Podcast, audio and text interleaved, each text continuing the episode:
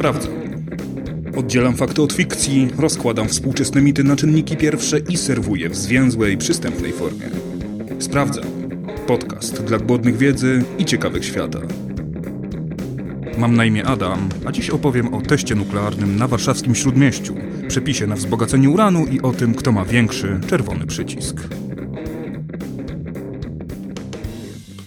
Jasność tysiąca słońc rozbłysłych na niebie oddaje moc jego potęgi. Teraz stałem się śmiercią, niszczycielem światów. Tymi słowami, zaczerpniętymi ze świętej księgi hinduskiej, podsumował detonację pierwszej eksperymentalnej bomby plutonowej o wdzięcznej nazwie Gadget Robert Oppenheimer, naukowy szef projektu Manhattan kolebki broni jądrowej. Niespotykany wcześniej potencjał destrukcji nowego wynalazku i jego pierwsze haniebne zastosowanie przeciw ludności cywilnej w Japonii uświadomił ludzkości, że nasza cywilizacja weszła na kolejny poziom rozwoju.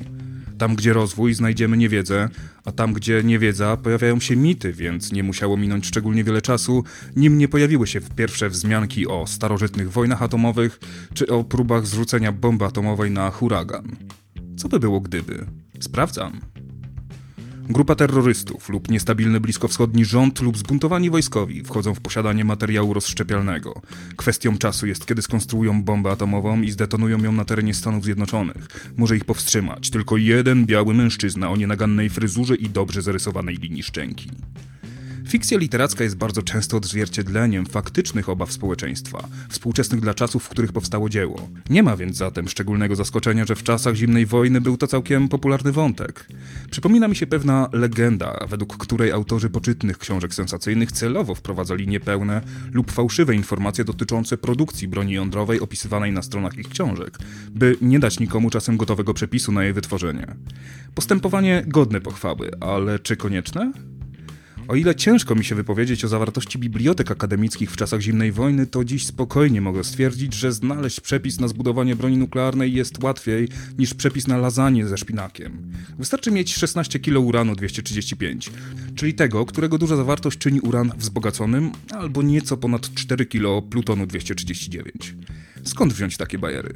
Można oczywiście kupić w każdym sklepie z materiałami rozszczepialnymi, ewentualnie wykopać sobie uran, wrzucić do wirówki wzbogacającej, gdzie uran łączymy z fluorem, co zmienia go w gaz, sześciofluorek uranu, a potem wystarczy dobrze zakręcić, żeby wewnątrz wirówki znalazł się lżejszy uran 235, a cięższy będzie na bokach.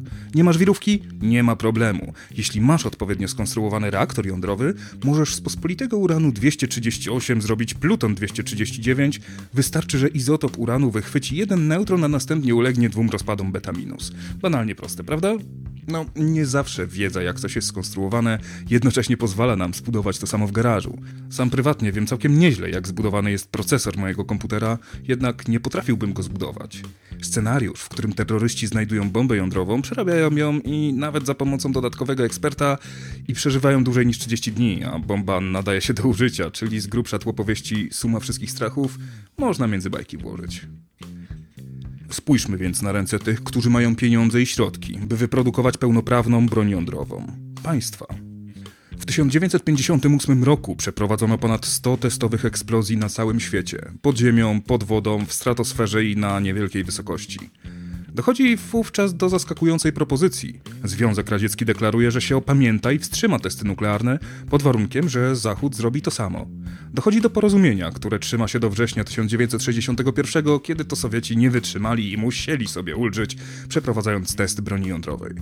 No ale skoro ruskim wolno, no to co się będziemy czaić? Następnego roku przeprowadzono 140 próbnych detonacji. Średnio co 2,5 dnia gdzieś coś gruchnęło, a przy wielu testach bomby zrzucone na japońskie miasta pod koniec wojny jawiły się raczej jako kapiszony. To właśnie w tym roku doszło do testu Starfish Prime, przeprowadzonego na wysokości 400 km, czyli takiej, na której współcześnie znajduje się Międzynarodowa Stacja Kosmiczna, którego efekty można było obserwować nawet półtora tysiąca kilometrów od miejsca wybuchu, co było opisywane przez świadków jako coś przypominające Słońce. Zrobiliśmy sobie w ten sposób również sztuczny pas radiacyjny wokół planety, który zmiótł jedną trzecią sztucznych satelitów pracujących wówczas na orbicie. Starfish Prime zaskoczył wszystkich. Nie spodziewano się takiej energii, a także tak dużego impulsu elektromagnetycznego, który wyszedł poza skalę urządzeń pomiarowych, a także spowodował awarię w sieci elektrycznej i telefonicznej. Test ten pokazał, że jesteśmy ledwie małpami, które dostały skrzynkę z granatami i się bawią. Jeśli rezultaty eksperymentu potrafią nas tak zaskoczyć, no to czas najwyższy zacząć się martwić. Jakby było tego mało, w tym samym roku dochodzi do kryzysu kubańskiego.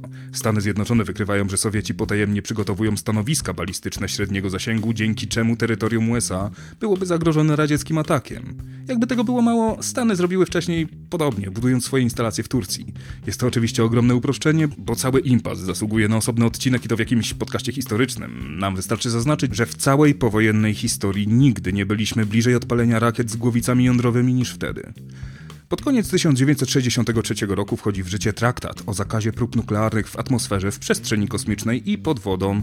Podpisany wówczas przez 126 krajów staje się fundamentem deatomizacji. To dobre słowo? I obowiązuje do dzisiaj. Kolejne lata przynoszą kolejne traktaty, które dokładają zakaz przeprowadzania prób jądrowych na innych ciałach niebieskich. A krótka dygresja. Czy wiesz, że niektóre kręgi wiedzy alternatywnej twierdzą, że awaria podczas misji Apollo 13 była spowodowana przez kosmitów, którzy wykryli bombę atomową na pokładzie statku, która rzekomo miała zostać zdetonowana na Księżycu? Oczywiście trzy lata po sygnowaniu przez USA traktatu, w którym stwierdzono, że tak się bawić nie wolno. Kolejne traktaty redukowały dopuszczalną moc ładunków testowych, dopuszczalny arsenał nuklearny, czy w końcu całkowity zakaz prób broni jądrowej z 1996 roku. A szkoda tylko, że tego ostatniego nie ratyfikowały Chiny, Egipt, Iran, Izrael oraz e, Stany Zjednoczone, mimo chęci podpisania go, zaś Indie, Korea Północna i Pakistan mają go w głębokim poważaniu. Lecz tylko Korea Północna pozwala sobie na przeprowadzanie prób jądrowych. Można zatem założyć, że skoro nie wszystkie państwa zgodziły się na taką umowę, to wszystkie te traktaty są nic nie warte? No nie szczególnie. Jeden z kandydatów na posłów w nadchodzących wyborach deklaruje, że będzie dążył do posiadania przez Polskę broni jądrowej. Byłoby to złamanie traktatu o nierozprzestrzenianiu broni jądrowej ratyfikowanego przez Polskę w 1969 roku, w którym to jako państwo nieposiadające broni jądrowej obiecaliśmy, że nie będziemy dążyć do jej pozyskania. Złamanie umowy międzynarodowej nie musi sprawić od razu, że wjadą do nas z każdej strony czołgi pozostali sygnatariusze traktatu nakryją nas czapką, zanim cokolwiek zdążymy zrobić, ale może się tak skończyć. Gdyby nasz sąsiad zaczął rozpalać w mieszkaniu ognisko, to przecież byśmy go powstrzymali, zanim zrobi krzywdę sobie albo komuś innemu. Jest to pewna redukcja szkód, która w sytuacji, gdy dojdzie do zbrojnego użycia głowic, to daje nam w miarę spokojny sen. Bo i po co ktoś miałby tracić ostatnie minuty swojego cennego życia na tak mało atrakcyjny terrorystycznie kraj jak Polska? A chyba się zgodzimy, że hipotetyczna wojna atomowa będzie trwała nie dłużej niż kilka godzin. Zagrajmy jednak w co by było gdyby. Dochodzi do wymiany ognia, głowice spadają na miasta Azji, Europy, Ameryki Północnej, impuls elektromagnetyczny niszczy całą elektronikę, śmiertelne promieniowanie unosi się latami, umiera co trzecia osoba, ale przynajmniej syn sąsiadów już nie puszcza tak głośno muzyki. Wizja ta sprawdziłaby się w książce czy w filmie, ale jak mogłoby być naprawdę? Ponad 2000 testów nuklearnych w ostatnim stuleciu sporo nas nauczyło. Bomba atomowa detonowana jest na pewnej wysokości, a jej najbardziej niszczącą siłą jest fala uderzeniowa oraz fala ciepła, która całkiem skutecznie może sponiewierać żywą tkankę. Przy użyciu narzędzia NukeMap, do którego link znajdziesz w opisie, możesz sprawdzić, jakie atomówki potrzebujesz, żeby zniszczyć swoje ulubione miasto. Opisane są tam poszczególne strefy z podziałem na promieniowanie, kulę ognia, falę uderzeniową i falę ciepła. Gadżet, wspomniana już wcześniej pierwsza zdetonowana bomba jądrowa zrzucona na warszawskie śródmieście nie wpłynęłaby szczególnie na większość pozostałych dzielnic. Wyobraź sobie zatem, jak wielkiego arsenału by trzeba było, by naprawdę zrównać z Ziemią państwo większe od Watykanu tak, by pozostał po nim świat znany z serii gier Fallout. Promieniowanie również nie jest tu szczególnym problemem. Dotyczyć będzie ono dość małego obszaru, zaś po paru tygodniach spadnie do nieszkodliwego poziomu. Z pewnością jednak dotknie ono szczęściarzy, którzy przetrwają eksplozję schowani w budynkach, zsyłając na nich ciężką chorobę popromienną. Nasz sprzęt elektroniczny, jeśli nie zostanie strawiony przez pożary, powinien mieć się całkiem nieźle. Oczywiście infrastruktura może ulec fizycznym zniszczeniom, ale by otrzymać impuls elektromagnetyczny zdolny uszkodzić sprzęt elektroniczny, musimy wznieść się na wyżyny, wyżyny naszej atmosfery.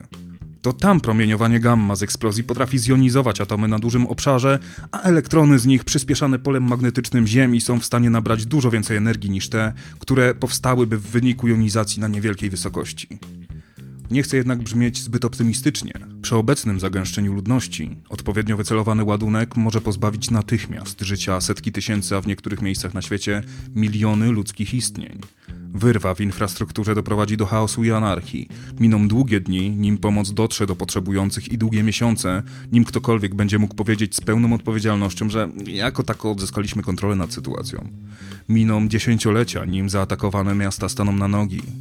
Najbrutalniejszy atak terrorystyczny w historii świata, czyli użycie broni nuklearnej wobec cywilnej ludności Hiroshimy i Nagasaki celem zmuszenia władz do kapitulacji, powinien być dla nas ostrzeżeniem. Posiadamy współcześnie technologie wojenne umożliwiające wykonanie chirurgicznie precyzyjnych operacji militarnych, lecz mimo to prezydent Stanów Zjednoczonych w styczniu zeszłego roku w reakcji na doniesienia z Korei Północnej w związku z testami broni jądrowej na Twitterze przechwalał się, że jego przycisk atomowy jest większy. Żyjemy w trochę za bardzo ciekawych czasach.